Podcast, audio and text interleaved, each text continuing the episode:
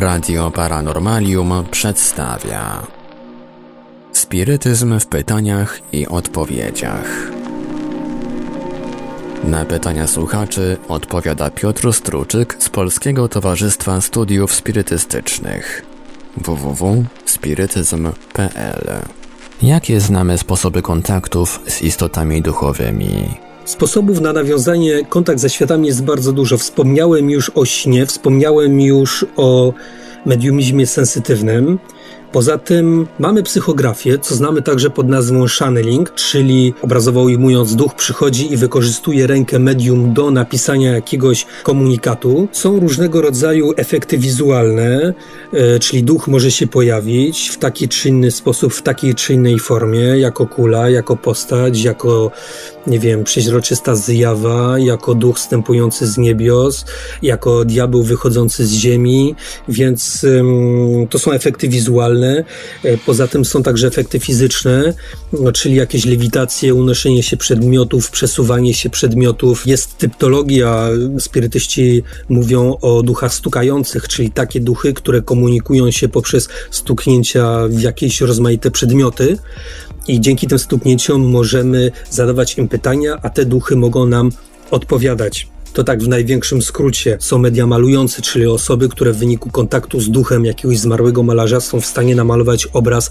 dokładnie w takim samym stylu, w jakim malował dany artysta za życia. I co jest bardzo charakterystyczne, to to, że podpisy na tych obrazach są identyczne z autentycznymi podpisami niegdyś żyjących twórców.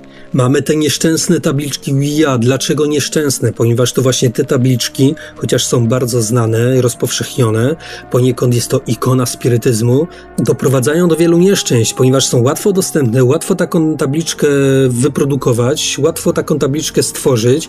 Nawet bez takiej tabliczki można przeprowadzić seans spirytystyczny, a takimi seansami niestety zajmują się najczęściej osoby młode, które nie znają filozofii spirytystycznej, a to z kolei doprowadza do wielu opętań, z których później dosyć ciężko jest się wyleczyć. I te właśnie tabliczki Ouija to jest w pewnym sensie taka czarna owca spirytyzmu, ponieważ spirytyzm przez większość ludzi jest postrzegany właśnie przez pryzmat tego przedmiotu, a raczej tego, w jaki sposób jest on wykorzystywany. Ja osobiście jestem, no może nie wrogiem tabliczek Ouija, ale zdecydowanie odradzam korzystania z tych przedmiotów. No i jest transkomunikacja. Ja we wcześniejszej audycji wspomniałem o Friedrichu Jungensonie, który w połowie ubiegłego wieku zupełnie przez przypadek nawiązał kontakt z zaświatami przez pośrednictwo swojego magnetofonu, co dało początek zupełnie nowej, takiej powiedziałoby się bardziej nowoczesnej formie komunikacji ze światami. Ksiądz François Brune bardzo dużo pisze na ten temat, interesuje się transkomunikacją, o czym zresztą wspomina w książce pod tytułem Umarli mówią. Bardzo dobra książka. A poza tym istnieją także media posługujące się nie ołówkiem ani długopisem, tylko klawiaturą komputerową.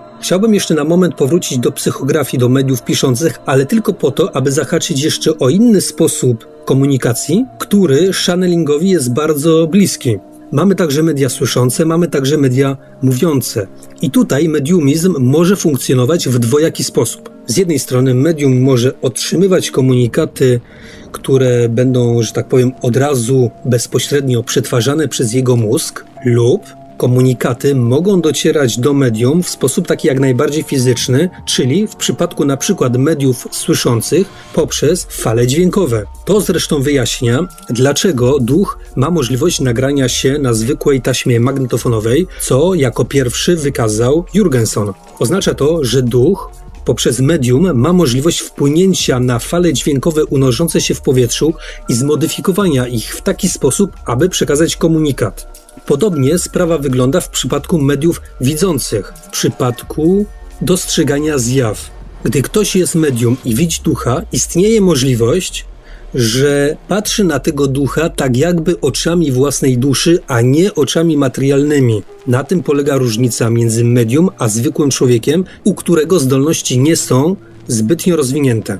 Ale jeżeli zwykły człowiek widzi zjawę, to dlatego, że duch dzięki kontaktowi z jakimś medium, najczęściej nieświadomym, był w stanie ukazać się jego oczom fizycznym. I tutaj mamy do czynienia z takim zwykłym zjawiskiem, gdzie światło odbija się od ducha i wszyscy mogą tego ducha spostrzec. Czy posiada pan swojego przewodnika bądź nadzorcę? Tak, oczywiście posiadam swojego przewodnika, ale nie nadzorcę. Nadzorca to jest ktoś, kto prowadzi, przewodnik doradza, przewodnik pokazuje, przewodnik wskazuje dobre rozwiązania, ale to od nas zależy, czy będziemy chcieli z tych porad skorzystać. Ale takiego przewodnika posiada każdy człowiek i nie ma w tym niczego nadzwyczajnego. Każdy człowiek żyjący na tej planecie posiada swojego anioła stróża. To jest zupełnie normalne, poza tym, że media, czyli osoby będące w stanie nawiązać z tym przewodnikiem taki kontakt bezpośredni, że tak to ujmę, mogą w sposób taki może bardziej konkretny, bardziej taki ludzki porozmawiać z nim. Ale nie oznacza to, że tylko media są chronione przez jakieś duchy wyższe. Nie. Jedni spirytyści głoszą, że reinkarnacja to fakt, podczas gdy inni twierdzą inaczej. Skąd się bierze ta rozbieżność? Rzeczywiście pod tym względem spirytyści są troszeczkę podzieleni, ale nie spirytyści kardecjańscy. Mówiąc spirytyści, mam na myśli w tym momencie raczej osoby interesujące się spirytyzmem jako takim, ale niekoniecznie zgadzają się z tym, co napisał Alan Kardec w swoich sztandarowych dziełach. Tutaj znowu mogę wspomnieć o księdzu François Brune, który mm, uważa, że reinkarnacja owszem, ale nie jest obowiązkiem i nie za każdym razem. Czyli duch może się reinkarnować, ale nie musi, ponieważ może również rozwijać się ze światach. Ponadto niektórzy podkreślają, że dajmy na to różnego rodzaju wspomnienia z poprzednich wcieleń tak naprawdę nie są naszymi wspomnieniami, tylko są to wspomnienia, które my gdzieś wychwytujemy, że tak powiem, z eteru. To są autentyczne wspomnienia różnych osób, które żyły na Ziemi, ale to są tylko takie szczątki, które gdzieś tam sobie e, fruwają, że to tak ujmę, i, a, a my je po prostu wychwytujemy. Więc są też takie teorie. Są także osoby, które są bardziej ezoterykami niż spirytystami, uważające, że reinkarnacja nie musi się powtarzać na Ziemi. I nie jest to pogląd tak do końca sprzeczny ze spirytyzmem kardecjańskim, który mówi, że człowiek reinkarnuje się wielokrotnie na Ziemi, ale także w innych światach. Wielu ezoteryków uważa, że duch może się inkarnować na Ziemi na przykład tylko raz, albo że wiele duchów pierwszy raz inkarnuje się na Ziemi. Ze spirytystycznego punktu widzenia ma to sens tylko wtedy, jeżeli założymy, że wszystkie inne inkarnacje owych duchów odbywały się w innych światach. Tutaj też powinienem od razu wyjaśnić teorię wielości światów, tak tylko w dwóch słowach, ponieważ to też jest długi temat. Filozofia spirytystyczna podaje, że istnieje wiele różnych światów znajdujących się na różnych poziomach energetycznych i w zależności od tego, na jakim stopniu rozwoju znajduje się konkretny duch, może on wcielić się w niższym lub wyższym energetycznie świecie. Te światy mogą się przenikać tak jak fale radiowe, bez jakichś e, interferencji, bez jakichś zakłóceń. Jeżeli ezotrycy twierdzą, że duch może się inkarnować wielokrotnie na różnych planetach, może się inkarnować wielokrotnie na różnych światach, ale tylko raz inkarnował się na Ziemi, ja jako spirytysta mogę to zaakceptować ale nie zgodzę się z teorią, wedle której duchowi wystarczy jedna inkarnacja, aby z ducha takiego nisko rozwiniętego stać się duchem wyższym. To jest niemożliwe i jako spirytysta nie mógłbym się z tym zgodzić. Więc te rozbieżności w kwestiach reinkarnacji wynikają raczej z wpływu innych dogmatów lub wynikają ze zbyt pobieżnej analizy tematu. Kończąc odpowiedź na to pytanie, chciałbym zachęcić do sięgnięcia po Ewangelię według spirytyzmu Alana Kardeka, w której autor przedstawia spirytystyczny punkt widzenia dotyczący reinkarnacji w chrześcijaństwie. Teraz zapraszamy Państwa na krótki przerywnik muzyczny nawiązujący tematycznie do naszej audycji. Będzie to Dance Exotic spisany przez panią Rosemary Brown, a podyktowany przez ducha Claude'a Debussy. Posłuchajmy.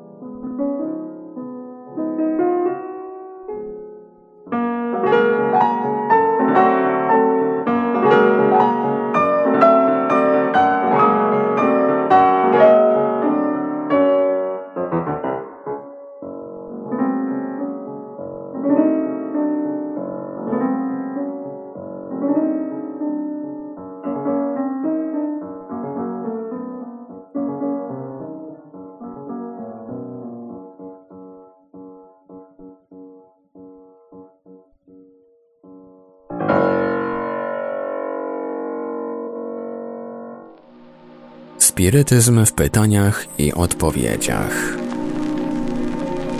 Na pytania słuchaczy odpowiada Piotr Struczyk z Polskiego Towarzystwa Studiów Spirytystycznych. Jak spirytyści odnoszą się do rejestrowania tzw. Tak EVP, czyli elektronicznych zjawisk głosowych? EVP, elektroniczne zjawiska głosowe, sprecyzujmy dla tych, którzy nie wiedzą. EVP to nagrania głosowe sporządzone różnymi technikami, których pochodzenie uznaje się jako nieokreślone.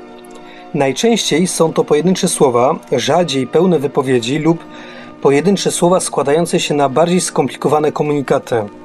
Spirytyści mówiąc o EVP używają zwrotu transkomunikacja. Ja o transkomunikacji wielokrotnie wspominałem, mówiłem o eksperymentach Friedricha Jurgensona, nawiązywałem do księdza Brun, któremu jest to dosyć bliska forma komunikacji z, ze światami. W mojej książce pod tytułem Mój kardecjański spirytualizm poświęciłem trochę miejsca panu Marcello Bacci z Włoch, który, choć nie nagrywał tajemniczych głosów, uzyskał zaskakująco dobre rezultaty dzięki staremu odbiornikowi radiowemu. Na razie to wszystko brzmi troszeczkę enigmatycznie. Oficjalnie pierwszą osobą, której udało się nagrać głosy zmarłych był Węgier Attila von Szalaj, Badacz ten wykorzystywał specjalnie przygotowaną kabinę dźwiękoszczelną z umieszczonym w środku mikrofonem. Jako, że gro zarejestrowanych dźwięków uzyskano w chwili, gdy w kabinie nikogo nie było, Szalaj wywnioskował, że ma do czynienia z głosami zmarłych. Jego współeksperymentator opublikował rezultaty tych badań w 1959 roku, czyli w tym samym czasie, gdy Jurgenson Przypadkiem sporządził nagrania dziwnych wypowiedzi tajemniczych osób w trakcie rejestrowania śpiewu ptaków. Podobnie jak w innych, późniejszych przypadkach EVP, nagrane głosy nie były słyszalne w samym momencie rejestrowania.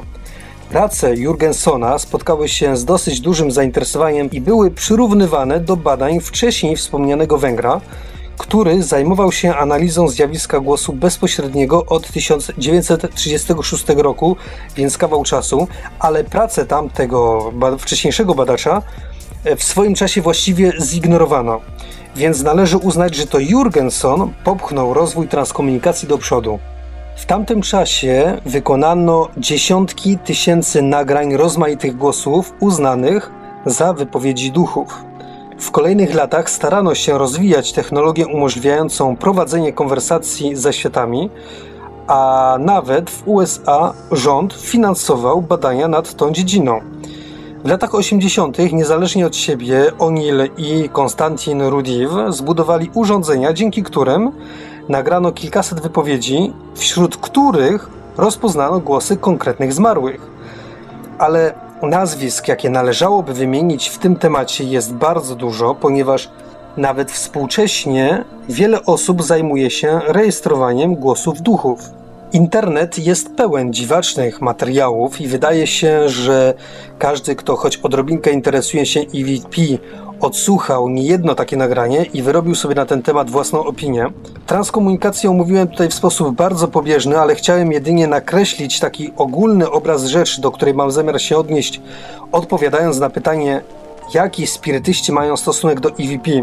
Więc spirytyści uznają EVP za autentyczną metodę nawiązywania kontaktu z duchami. Oczywiście wiele nagrań jest sfałszowanych, ale przecież nie wszystkie. Niestety nie da się rozpoznać, czy głos ducha jest autentyczny, ponieważ współczesna technologia pozwala bez najmniejszego problemu wykonać imitację EVP i trzeba mieć to zawsze na uwadze. Według mnie jedyny sposób na określenie autentyczności nagrania jest zadanie sobie pytania, czy pasjonat prezentujący nam swoje prace ma powód, by chcieć nas oszukać. Jeżeli zakładamy, że mamy do czynienia z uczciwym człowiekiem, możemy przystąpić do analizy materiałów audio. Należy również pamiętać o tym, że EVP jest jedną z form manifestacji duchów, a aby jakakolwiek manifestacja mogła mieć miejsce, potrzebne jest medium.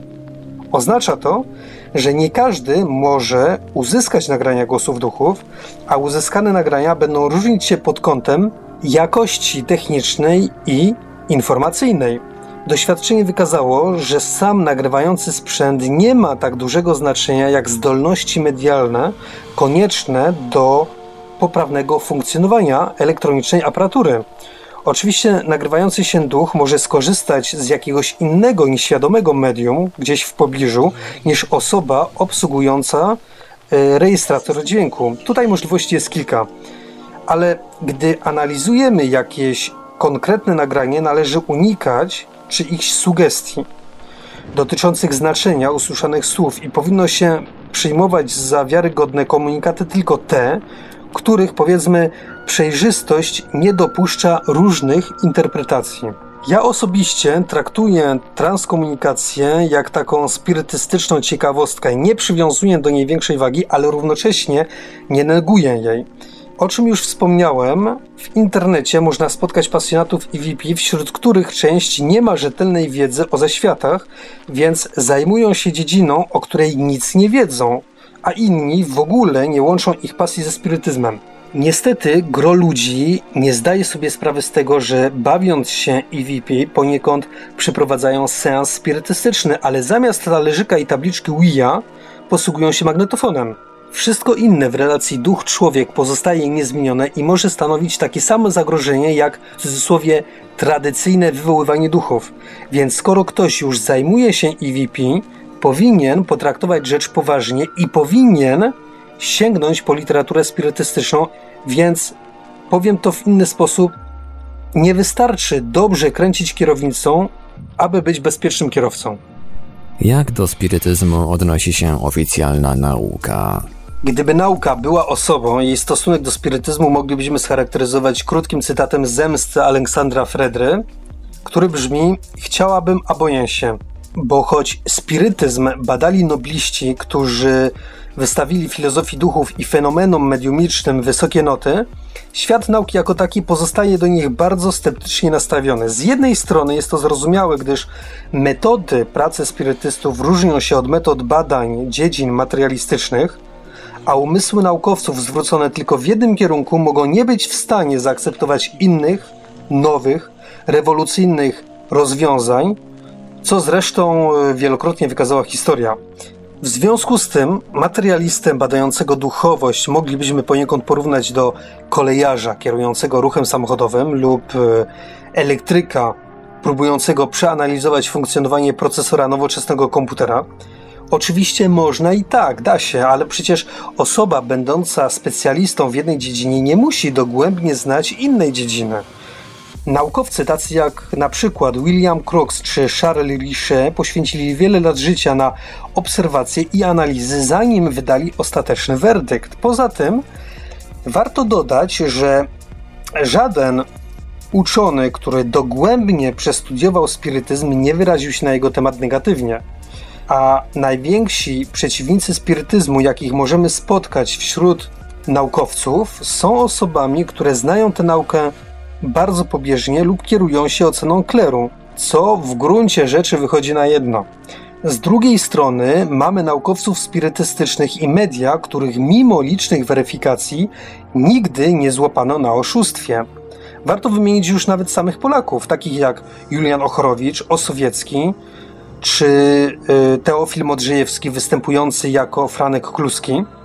Sam Ochorowicz poprzez swoje słynne prace z medium Panną Tomczykówną wykazał jasno, że w naukach materialistycznych istnieje wielka luka, którą materialistyczni naukowcy próbują nieudolnie wypełnić jakimiś naciąganymi teoriami, podczas gdy spirytyzm daje wyjaśnienie wielu niezrozumiałym zjawiskom w sposób prosty, klarowny i sensowny. Równocześnie wielu naukowców materialistycznych jest osobami wierzącymi, chodzą do kościoła, modlą się i to sprawia, że mamy do czynienia z wielkim paradoksem. Więc to nie jest tak, że spirytyzm został całkowicie przekreślony, chociaż w tym momencie mówię spirytyzm, ale myślę bardziej o spirytualizmie. Od spirytyzmu ludzie stronią, ponieważ go nie znają, niezależnie od tego, jakimi mm, zajęciami parają się na co dzień. Na początku wspomniałem o różnych metodach badań. I tutaj chciałbym ten wątek troszeczkę rozwinąć, ponieważ materialistyczni badacze nie potrafią zrozumieć braku w spirytyzmie możliwości powtarzania eksperymentów mediumicznych w warunkach laboratoryjnych, ponieważ nie wierzą lub nie akceptują faktu istnienia niewidzialnych istot myślących, które wpływają na przebieg fenomenów spirytystycznych. Innymi słowy, fizyk powiedziałby, że walec stoczy się po powierzchni pochyłej, jeżeli nie przeciwdziała temu jakaś siła, a spirytysta stwierdziłby, że walec stoczy się, jeżeli będzie miał na to ochotę. Ja zdaję sobie sprawę z tego, że ten prosty przykład brzmi troszeczkę zabawnie, ale e, równocześnie dobrze obrazuje to, że zjawiska mediumiczne uzależnione są od woli duchów, które nie mają obowiązku być posłusznymi nakazom ludzi. Więc żaden naukowiec nie może zapewnić powtarzalności eksperymentów spirytystycznych.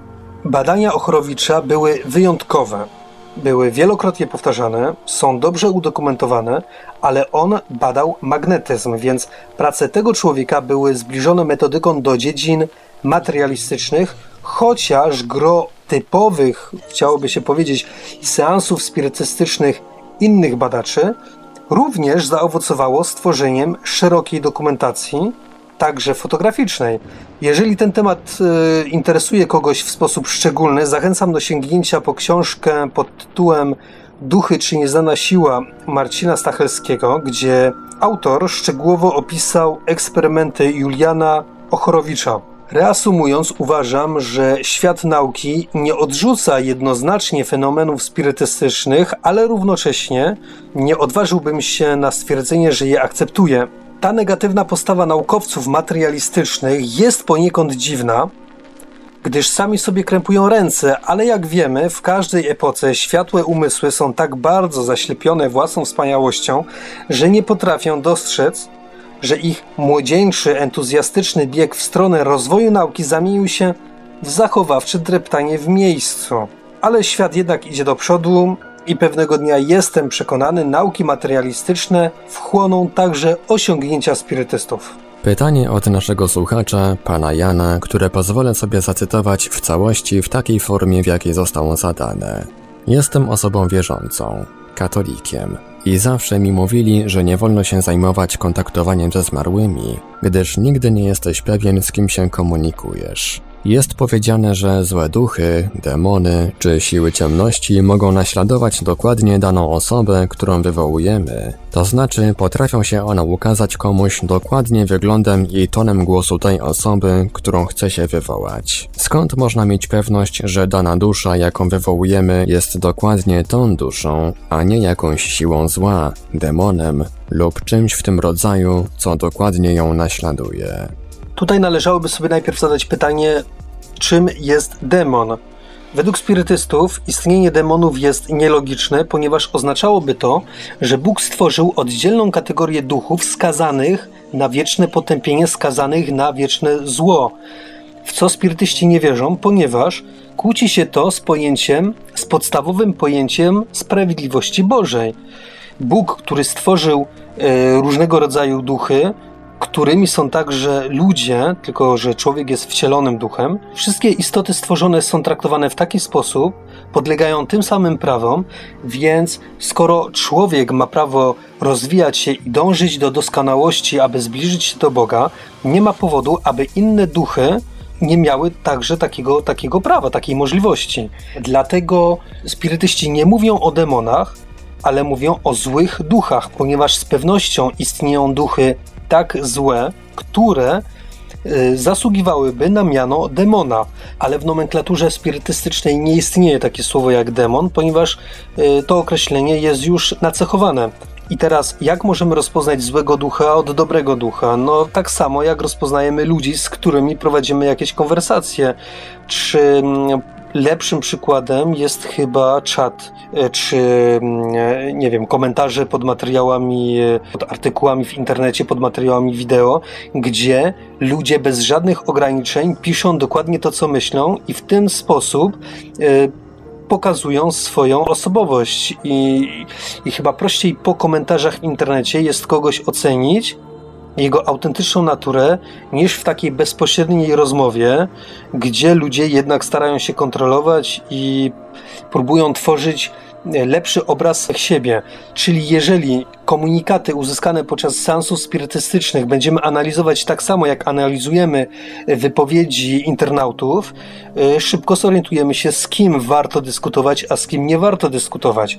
Ponadto złe duchy boją się ludzi, którzy podchodzą do mm, analizy komunikatów w sposób taki bardzo rzeczowy, logiczny, które starają się y, odrzucać komunikaty niespójne, komunikaty w których duchy dyktują jakieś bzdury. A nawet ze względu na osoby, które słuchają tej audycji, ale nie są do końca przekonane co do sensu mojej wypowiedzi, pozwolę sobie nawiązać do Biblii, gdzie jest napisane, że Bóg napełnia rozum człowieka mądrością, gdy zaczyna przemawiać do niego jakiś duch, po to, aby człowiek mógł zorientować się, czy ma do czynienia z dobrym, czy ze złym duchem. I ta mądrość, o której tutaj wspominam, to nie jest nic innego jak analiza wypowiedzi ducha, który z nami się skontaktował. Jeżeli w Biblii napisano, że człowiek powinien modlić się do Boga o tę mądrość, powinien prosić Boga o tę mądrość, to dlatego, że dobre duchy, które mogą nas otoczyć, są w stanie naprowadzić nas na jakieś dobre, e, odpowiednie drogi, odpowiednie ścieżki rozumowania. Więc człowiek analizujący komunikaty ze światów może ograniczyć się tylko do własnej wiedzy, do własnego rozsądku, ale powinien także pomodlić się po to, aby dobre duchy, jego anioł stróż, zechcieli mu pomóc w rozwiązaniu jakiegoś dylematu. Jest to rzecz zupełnie normalna, nie należy się temu dziwić. A nawet jeśli ktoś tak nie postępuje, to wydaje mi się, że chyba tylko dlatego, że wpada w jakąś taką pułapkę własnego ego, gdzie wydaje mu się, że pozjadał wszystkie rozumy i w ogóle jest wszechwiedzący, a to jest postawa zgubna. Więc osoba, która już postanowiła przeprowadzić seans spirytystyczny, nie powinna rezygnować z takiego duchowego przygotowania się do tej międzywymiarowej rozmowy. Alan Kardec, przygotowując swoje życiowe dzieło, jakim jest Księga Duchów, Księga Mediów, a także wszystkie inne książki, które mm, przygotował na temat spirytyzmu, zawsze odrzucał komunikaty duchów, które są niespójne, nielogiczne i które kłócą się z naszą podstawową wiedzą o Bogu, którego traktujemy jako istotę wszechwiedzącą, istotę wieczną, istotę dobrą, miłosierną. Ponadto trzeba pamiętać, że złe duchy są równie dobrymi manipulatorami co źli ludzie i potrafią doskonale kłamać. Idealne kłamstwo polega na tym, że łączy się fałsz z prawdą w taki sposób, aby odbiorca nie potrafił tych dwóch rzeczy rozdzielić. Dlatego informacje uzyskiwane od duchów, w których znajdują się jakieś dziwne elementy e, zaprzeczające innym informacjom podanym przez tego samego ducha, jeżeli są jakieś właśnie niespójności, cały komunikat należy odrzucić, nie próbując nawet rozdzielić fałszy od prawdy, ponieważ osoba próbująca tego dokonać może ulec wpływowi własnych przekonań, więc trzeba pamiętać, że złe duchy, których niestety jest więcej wokół naszej planety niż duchów dobrych, są dobrymi manipulatorami, ale nie są mądrzejsze od ludzi. Tak samo duch człowieka, gdy przechodzi w zaświaty, wcale nie staje się mądrzejszy, i komunikację z takimi duchami należy traktować tak samo, jak komunikacje na przykład telefoniczne z ludźmi. Nie należy wierzyć we wszystko, co mówią, nie należy traktować ich jako istoty wszechmogące, jako istoty ponadinteligentne i gdy tylko mamy jakąkolwiek wątpliwość co do prawdomówności naszego duchowego interlokutora, trzeba tego interlokutora po prostu odesłać i więcej nim się nie zajmować. Więc reasumując, trzeba powiedzieć, że chłodna analiza, która odrzuca teatralność duchów, na przykład w trakcie opętań, pozwala na rozpoznanie duchów złych, duchów nisko rozwiniętych, z którymi nie powinniśmy w ogóle dyskutować. Więc logika, logika, logika i zdrowy rozsądek. Oczywiście zdrowy rozsądek podpowiada także, aby duchów nie wywoływać, aby czekać, aż duchy skontaktują się z nami. No, ale tutaj każdy ma własną wolę i każdy postępuje wedle własnego sumienia. Ja osobiście duchów nie wywołuję, ale nie oznacza to, że nie posiadam na swoim koncie e, doświadczeń mediumicznych.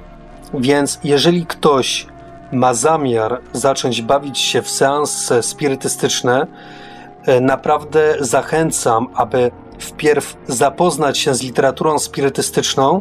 Jestem pewien, że przeczytanie Księgi Duchów i Księgi Mediów Alana Kardeka, a także innych jego książek da do myślenia wielu miłośnikom seansów spirytystycznych, a może nawet wielu z nich znajdzie odpowiedzi na nurtujące je pytania i sam seans spirytystyczny jako taki straci dla nich jakiekolwiek znaczenie. Była to audycja Spirytyzm w pytaniach i odpowiedziach. Na pytania słuchaczy odpowiadał Piotr Struczyk z Polskiego Towarzystwa Studiów Spirytystycznych www.spirytyzm.pl Zapraszamy do nadsyłania pytań do audycji. Nasze kontakty to gadu-gadu 36 08 80 02, skype radio.paranormalium.pl, numer telefonu 32 746 0008, komunikator smsowy 517 986 778 oraz e-mail radio małpa paranormalium.pl. Na zakończenie tego odcinka naszej audycji zapraszamy Państwa do wysłuchania jeszcze dwóch utworów, tym razem krótkich, spisanych przez Rosemary Brown. Będą to Impromptu F-moll oraz Impromptu S-dur, podyktowane pani Brown przez Fryderyka Chopina.